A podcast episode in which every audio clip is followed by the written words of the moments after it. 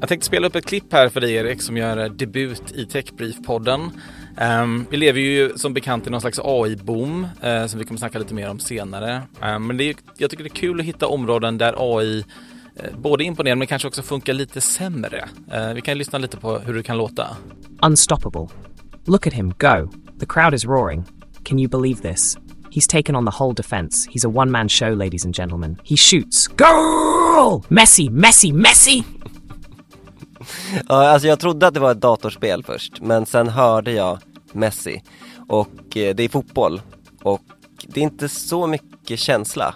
Det är lite, saknas lite känsla. Det som är coolt är att det är en helt genererad, alltså kommentatorspåret är helt genererat bara från videoflödet. Så att AI tittar på fotboll så att säga och producerar detta.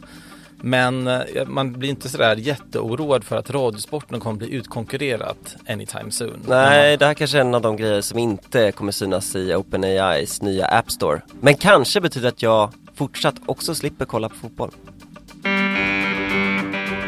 Du lyssnar på Techbrief, en podd från Svenska Dagbladet. Jag heter Björn Jeffrey och är techanalytiker. Jag heter Erik Wisterberg och är techreporter.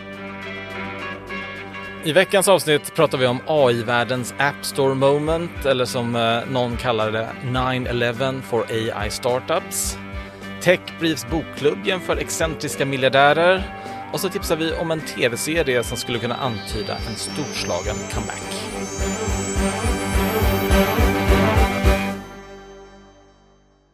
Men jag går tillbaka i arkiven lite. Jag tänkte kolla Erik om du kommer du ihåg det här tillfället som vi ska lyssna på här? Even the big developers would have a hard time getting their app in front of every iPhone user. Well, we're going to solve that problem for every developer, big to small. And the way we're going to do it is what we call the App Store. Mm. Det här var ju ett ögonblick som kanske inte kändes så stort just då. Alltså, iPhone hade ju lanserats 2007 det kommer alla ihåg. Det här hände ju ett år efter och det var när Steve Jobs för första gången presenterade App Store som också betydde att man kunde få vilka appar man ville till sin telefon. Och det är ju någonting som man kanske i efterhand har förstått var ännu viktigare än själva iPhone-lanseringen. Precis, och lite av en eh alltså en efterhandskonstruktion. De hade inte tänkt på App Store innan. Det var inte så att den inte var färdig vad man förstår, utan de hade inte tänkt ha någon. Men sen så något år senare så kommer de på, men vi kanske måste ändå ha något sätt att distribuera ut de här apparna som alla sitter och bygger. Hur skulle det kunna gå till annars och sådär. Så, så det, det, var, det var ett väldigt stort tillfälle. Det var mitt i San Francisco 2008 på deras utvecklingskonferens. Um, men det sjuka var ju också att när man köpte en iPhone i början, då var det ju liksom hårdkodat vilka appar som fanns. Det fanns en kamera och det fanns, eh, det fanns väldigt lite där i. Så om iPhonen hade varit som Apple hade bestämt från början så hade det kanske inte blivit den här liksom... Det hade varit mer likt en gammal Nokia. För man säga, du får Snake för det är det vi har. ja, exakt, exakt. Men jag tror att i veckan så hade vi kanske vår tids motsvarighet till det här tillfället istället. Um, OpenAI, eh, AI-bolaget som Sam Altman styr, hade vad de kallar för en Dev Day, vilket är ju mer ah, deras version av en utvecklingskonferens. Jag tänkte vi kunde lyssna även på det, uh, så tror jag att man känner igen lite. And later this month, we're going to launch the GPT store.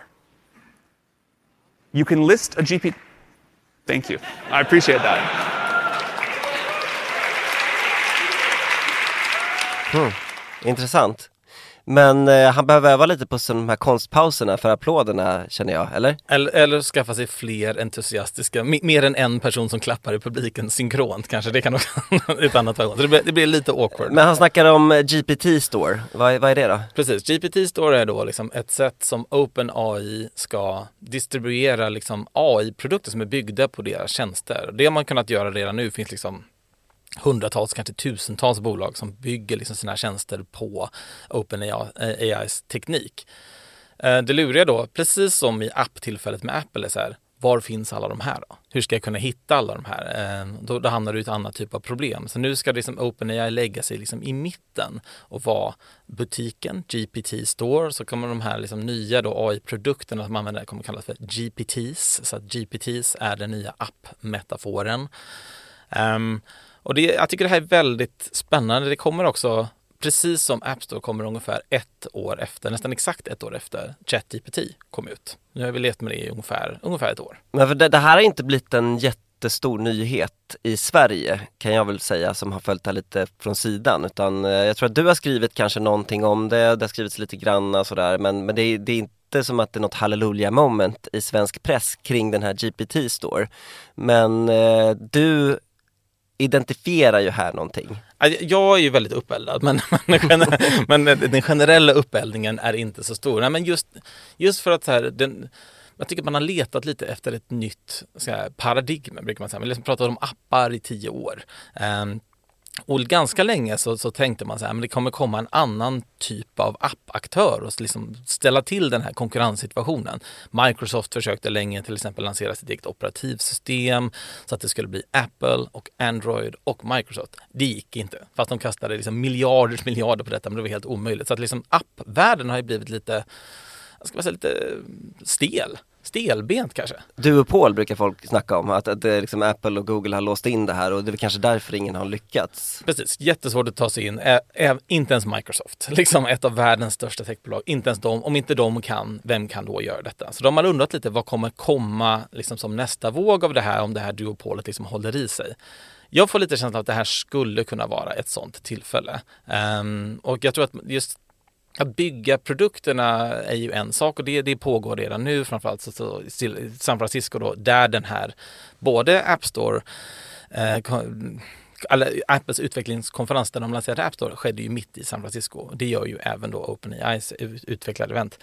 Momentumet i San Francisco för att bygga AI-produkter är väldigt likt det som var i, i apptiden. Eh, kollar man på liksom vad alla pengar som har gått in under liksom första kvartalet i år så fick San Francisco ungefär 11,1 miljarder dollar i riskkapital bara till AI-bolag. Och det motsvarar ungefär hälften av alla pengar som investeras i hela världen. Så hälft, varannan krona som investeras i AI hamnar i San Francisco. Mm. nu låter du väldigt sådär tech-analytisk. eh, bra, det är ditt jobb, du är jättebra på det också. Men jag tänker också lite så här, för mig då, eh, alla förstod ju att eh, vi fick en massa appar efter App Store. Många av dem var ju gratis också mm. eh, eftersom folk bara ville nå ut till alla de här iPhone-användarna. Eh, jag kanske inte själv blir så här superexalterad över GPT Store för att jag ska få massa GPTs. Men vad, vad kommer det här betyda för mig som användare då? Man, man får gissa, dels har GPT Store kommer ut i slutet av månaden så vi får se lite inte sådär exakt hur det blir, den är inte ute än. Men jag tror som vanlig användare, vanlig konsument, antagligen ingenting. Jag skulle tro att de främst riktar in sig på företag. Det här blir som en, en, en corporate app store, enterprise app store. Den, den, tråkigaste sortens app store du kan tänka dig till att börja med. Eh, men mer fokuserad på liksom produktivitet, göra saker snabbare. Ehm, det kommer egentligen mer likna liksom att konkurrera i sin del, dels med OpenAIs egna ägare som jag lite ser fram emot att titta på lite hur det kommer gå för Microsoft har ju själva liksom motsvarigheten till sådana här app stores, liksom, vi kan köpa ett tillägg till Office-paketet och Excel och göra saker och ting snabbare. Och sådär. Ehm, men även det andra så här jättetechbolaget som alla känner till och som ingen bryr sig om, Salesforce, som gör ungefär samma typ av grej. Så, det, så jag tänker mer att det blir en företagsangelägenhet innan det blir liksom någonting för vanliga slut. Men om man tittar fram lite då, eh, skulle det inte kunna bli samma sak som med App Store? Att alla de här miljarderna som du pratade om som investeras nu i San Francisco, de kommer göra det möjligt att lansera en massa AI-produkter riktade mot vanliga människor som borde kosta jättemycket pengar, men som blir gratis för oss, alltså riskkapitalisterna betalar nu under en uppstartsperiod för att du och jag ska kunna få fantastiska AI-produkter. Precis som att vi hade de här fina apparna där man drack eh, en öl i eh, liksom iPhonen som kanske inte hade jättehögt värde men det fanns ju andra saker där. Man betalar var... inget för dem åtminstone. Nej, man, man betalar ingenting. Eh, och nu, jag betalar ju dyrt själv för eh, GPT-4 till exempel. Mm. Men, men skulle vi kunna få se en explosion av liksom konsument-AI som gör att jag inte behöver kolla på fotboll men ändå kan referera Messis matcher och så vidare? Alltså antagligen. Mest för att liksom det här riskkapitalet som går in i den här branschen är ju inte så, det har inte så hög precision. Det är mer liksom, just nu känns det mer som så här, man dumpar in pengar. Så Vadå, vad menar du? De här riskkapitalisterna är ju de smartaste i världen säger de ju. Yeah, that's what de, they say. de har ju sådana här DD-processer och liksom utvärderar nyckeltal Jag bodde ju i San Francisco under åtta år under liksom den värsta hausen som man kan tänka sig. Jag kan säga att hela mitt liv var ju helt rabatterat av amerikanska riskkapitalister som betalade för tjänster som var, alltså man köpte grejer som så här, de kommer hem till mig och hämtar min tvätt och levererar tillbaka till dörren för inga pengar i princip. Man tänker så här, här hur går det här ihop? Och sen tänker man, jo det går ihop, det är någon annan som har betalat bara. Det här är en helt idiotisk tjänst, det här kommer aldrig någonsin funka, men hela mitt liv var ju subventionerat. Så det är liksom fullt rimligt tror jag att man kan, den är frågan vad du ska göra med alla de här GPT-erna och hur, vilket, vilket hålrum i livet de ska fylla åt dig. Det är liksom en annan, en annan issue, men en, absolut, det kan bli en explosion bara på grund av mängden resurser som finns tillgängligt. Overdraft fees are just the worst. Get up to $200 in fee-free overdraft with a Chime checking account. Sign up today at chime.com slash goals24. Banking services and debit card provided by the Bancorp Bank N.A. or Stride Bank N.A. members FDIC. Spot me eligibility requirements and overdraft limits apply. Vi går mot en subventionerad framtid av AI i allas våras liv. Ja, men jag Kan skulle tro så? det. De, de kommande åren kommer bli en, det kommer bli en gyllene AI-tid där ingen betalar och alla gör en massa saker som man kanske sen inte kommer be, behöva göra ändå. Men du nämnde ju också någon slags baksida här i din påa. Alltså du, du sa att vissa kallar det här för 9-11 for AI Startup Founders. Det låter ju som kanske inte den eh, mest klädsamma jämförelsen. Det var ju ändå liksom tusentals personer som dog här i 9-11. Men vad, vad är det folk är så oroade över? Ja, just det där var ju en citat från någon som satt och tittade på den här DevDay. Det kanske inte hade så jättemycket med GPT Store att göra i sig utan hela vad OpenAI, liksom vad de bestämde sig för att presentera. Men det var en, en riktig reaktion. Det var någon som Ja, ja. kallade det för det. Ja, ja verkligen. Det var någon som kallade det för det. Ehm, och skälet till det är ju att de Egentligen så är det en massa av de här AI-bolagen har inte kunnat bygga liksom sin egen AI-teknik. De har liksom byggt en liten grej ovanpå OpenAIs egna eh, teknik istället. Och nu, och nu under den här dagen så, så eh, OpenAI berättar nu kan du göra alla de här sakerna. Och då sitter liksom du vet som 25 AI-bolag och bara det där är hela mitt bolag. Det var det vi gjorde Exakt. igår. och nu har det bolaget som vi har lagt alla, all, all utveckling som vi har byggt ovanpå det här företaget har nu bestämt sig för att göra det själva. Så nu är liksom vårt existensberättigande är numera noll. Um, och det här är ganska vanligt liksom, i i techvärlden. Um, det kallas för att bli Sherlocked.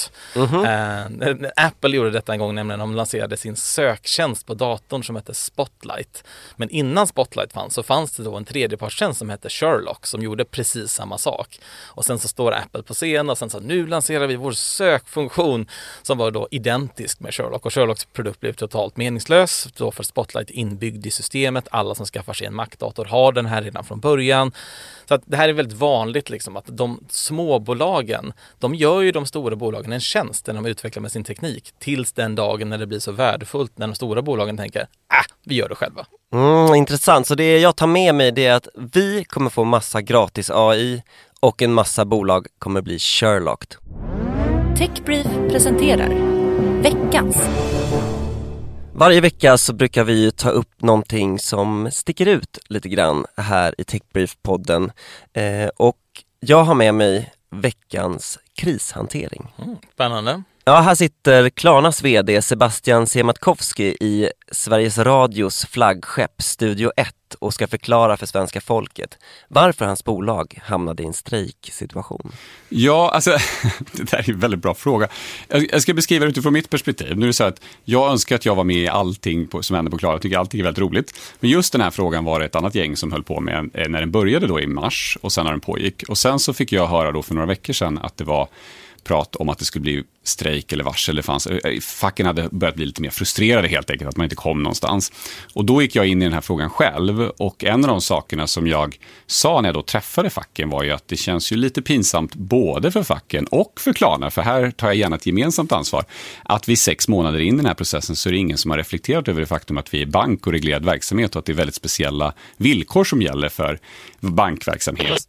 Mm. Det var alltså ett annat gäng på Klarna som inte fattade att Klarna var en bank under sex månader. Eh, hur låter det, Björn? Ja, men den amerikanska så här, management-klyschan brukar ju vara så här It's not always the CEO's doing but it's always the CEO's fault. Vilket innebär att det spelar egentligen ingen roll vem som har gjort vad. Det är alltid vdns ansvar och det är alltid vdns fel till sist. Ja, nej men det lät ju lite som att han kastade Klarnas förhandlingsteam under bussen här i direktsändning. Han tog ju lite tillbaka det eh, lite senare i intervjun och sa att ja, det är ju ändå alltid vdns ansvar och så vidare. Jag frågade faktiskt Sebastian om han ville komma hit eh, till till studion idag. Eh, han kunde inte den här gången, han har fortfarande en öppen inbjudan så det är bara att dyka upp. Eh, jag hörde också att han faktiskt ångrade det här uttalandet eh, och inte tyckte det var så bra själv. Men det som hände, sent fredagskväll så tecknade Klarna kollektivavtal.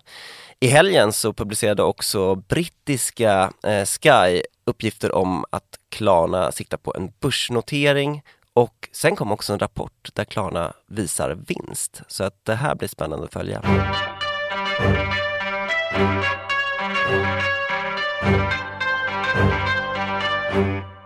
Ja Björn, nu blir det något nytt här i Techbrief-podden.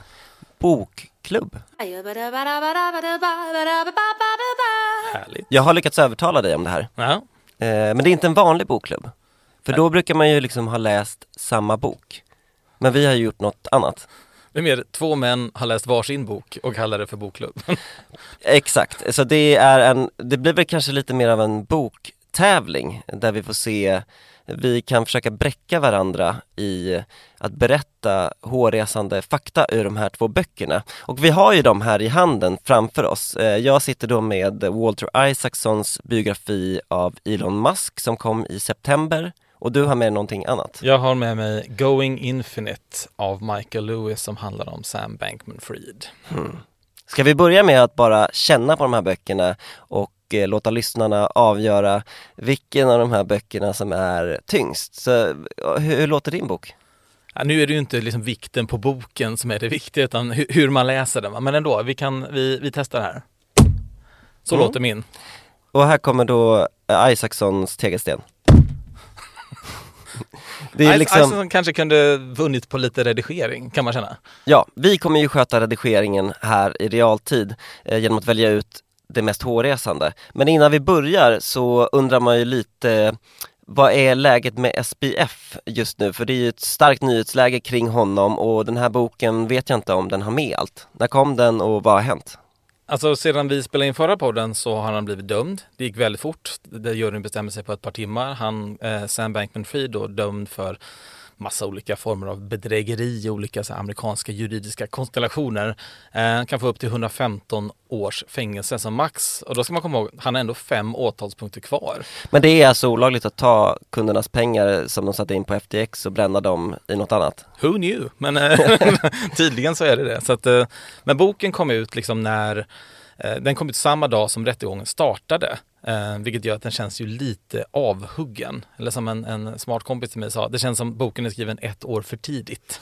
Eh, för hela, hela det väsentliga av liksom allt som hände efter det brakade samman på eh, den här kryptobörsen FTX, det är ju inte med i boken alls. Ja just det. Men eh, för den här tävlingen då, den är- har ju ändå kvalificerat sig in här så jag antar att det finns eh, intressanta grejer här i. Så att Björn, du får börja. Okej, men jag börjar här då med första, eh, första konstigheten från Sam Bankman-Fried. Och det är att han handlade ju väldigt mycket i bitcoin, olika kryptovalutor och eh, ett tag så var det mycket billigare då att köpa i, eh, i Korea, Sydkorea.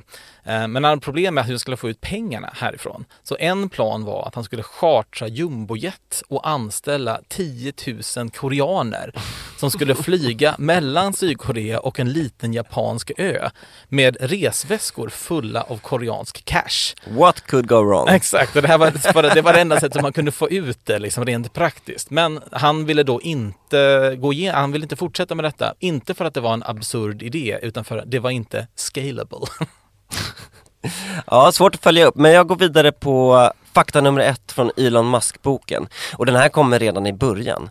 När man är 12 år gammal och växer upp i Sydafrika och har en smått manisk pappa, då skickas man på fältskol. Vet du vad det är Björn? Nej, det låter otrevligt. Blandning mellan scoutläger och flugornas herre. Man skeppar ut de här pojkarna i djungeln, man ger dem väldigt lite mat och man uppmanar de äldre starkare barnen att slå och ta maten från de yngre barnen. Det är som Hunger Games fast i svensk kollo-setting liksom. Exakt. Elon Musk åkte sen tillbaka när han var 16 och då hade han lärt sig att det är bara punch them right in the face. After the holidays, a little cash goes a long way. The Chime checking account has tons of benefits to help, like fee free overdraft up to $200 for eligible members, no monthly fees, and thousands of fee free ATMs. You can even get paid up to two days early with direct deposit. Sign up for Chime today at chime.com slash goals24. Banking services and debit card provided by the Bancorp Bank N.A. or Stride Bank N.A. members FDIC. Spot me eligibility requirements and overdraft limits apply. Out-of-network ATM withdrawal fees may apply. Access to direct deposits up to two days early depends on the timing of the submission of the payment file from the payer.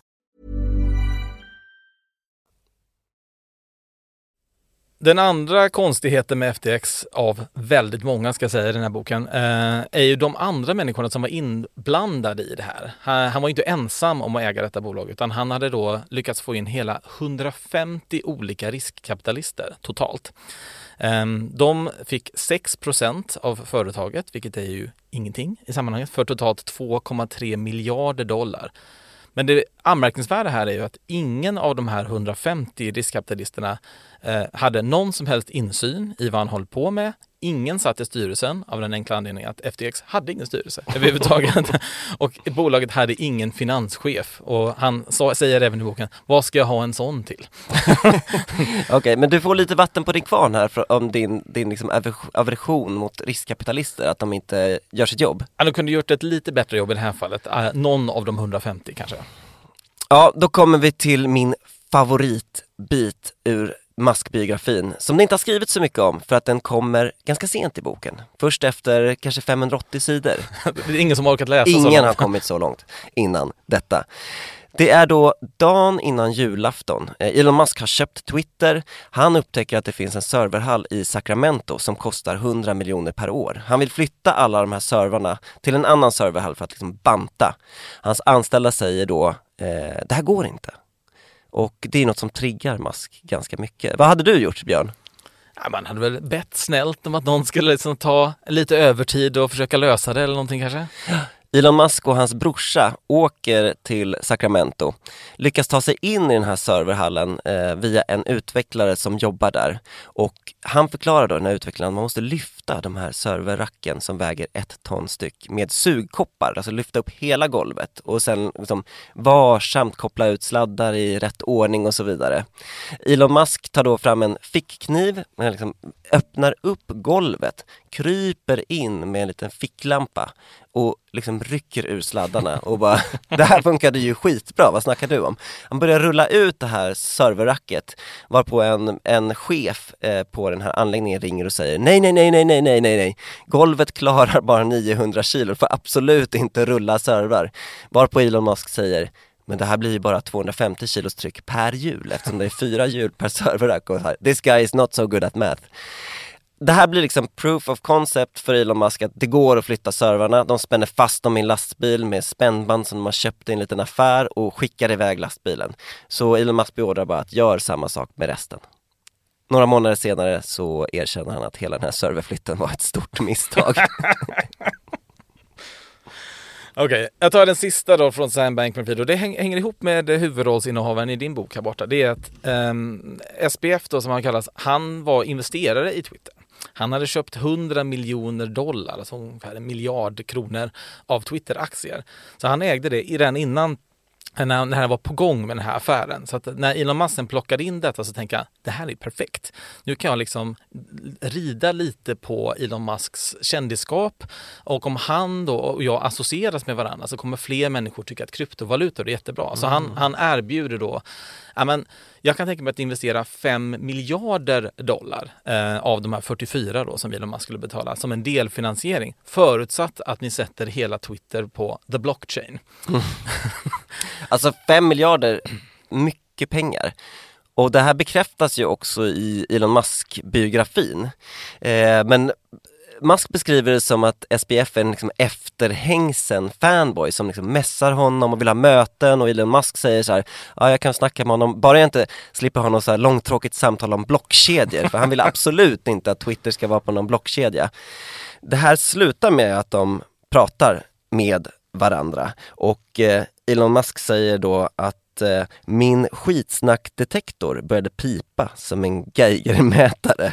Eh, så han vill inte ha de här fem miljarderna helt enkelt för att han tycker att SPF verkar helt eh, galen och jag tror att eh, det var liknande från SPF-hållet eller?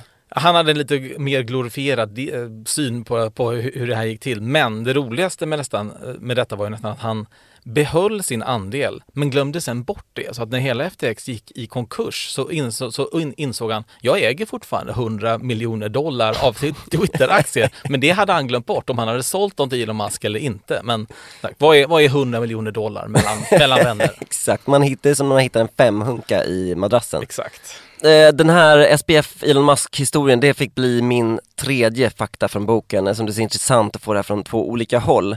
Men då ska vi runda av bokklubben Björn. Vi har mätt böckerna både i eh, tyngd och innehåll. Så eh, du är ändå analytiken här. Vilken bok av de här är det man egentligen ska läsa? Den som går snabbast att läsa är ju Michael Lewis bok som jag har läst. För den är ju kanske en tredjedel eller en fjärdedel så lång som, som den som du har släppt Diplomatiskt igenom. svar. Precis. Eh, jag skulle säga att galenskapsfaktorn låter spontant högre eh, hos Sam Bankman-Fried. Eh, mm. så, så, tyckte jag att spontant att det låter. Det är mer, mindre så excentrisk och mer bara galen kanske. Mm. Jag tänker nog att jag ska läsa SPF-boken också och eh, jag skulle rekommendera eh, en eh, kanske lyssning på dubbla hastigheten eh, mm. på den här Isaacson-biografin för att den innehåller, förutom de här galenskaperna, ganska intressanta insikter om hur den här personen ändå har lyckats bygga alla de här bolagen. Ja men sen vill jag också ändå bara ta upp det du Björn sa om galenskapen. Handlar inte det bara om utfallet, alltså hur vi betraktar de här personerna? Alltså om Sam Bankman-Fried hade lyckats hela vägen, hade han också fortsatt vara geniförklarad och om Elon Musk hade misslyckats, hade han då bara setts som en världsfrånvänd sci-fi-nörd eh, utan verklighetskoppling? Det kan absolut vara så.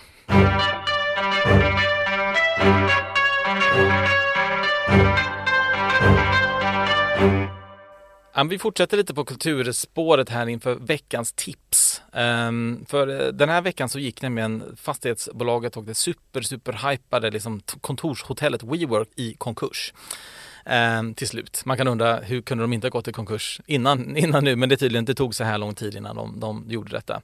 Um, och då tänkte vi att den här grundaren till den här har ju liksom porträtterats väldigt väl, Adam Newman um, i flera olika fall. Och jag vill tipsa om den här serien We Crashed som har Jared Leto och Anne Hathaway i huvudrollen. Vi kan lyssna lite på hur det här låter. You're a teacher, an artist, a phenomenal talent. There's so many more things to explore in life. You're on a journey and you'll find it.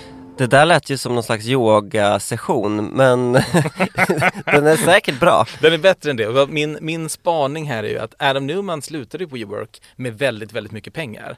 Jag undrar ju, på tal om comeback-känslan här, kommer han köpa tillbaka WeWork? Det är billigt. Det, är det, är all, det, har aldrig varit så billigt eh, som det är ja. nu. Det... Intressant, men också om man vill höra Neumann i eh, liksom in the flesh och se honom dokumentärt så finns det ju också en eh, dokumentär som heter uh, WeWork or the making and breaking of a 46 billion dollar unicorn. This is who I am. This is what I do.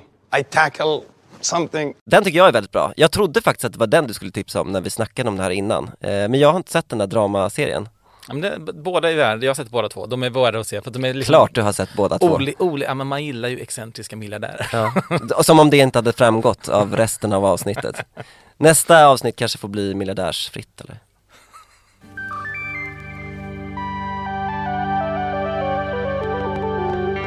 Du har lyssnat på Techbrief från Svenska Dagbladet. I studion denna vecka var jag, Björn Jeffrey och Erik Wisterberg. Producent var Marcus Morey Haldin. Redaktör Claes Lönegård och vår snygga illustration gjordes av Liv Videll. I redaktionen ingår även Madeleine Levi, Daniel Persson Mora, Henning Eklund, Sofia Sinclair och Louise Andrén Meiton.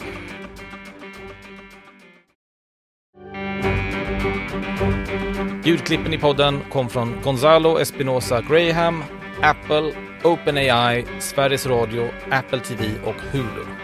Ansvarig utgivare är Martin Ahlqvist. Om ni vill prenumerera på vårt nyhetsbrev som kommer varje vardag så går ni in på svd.se signup. Vi hörs nästa vecka.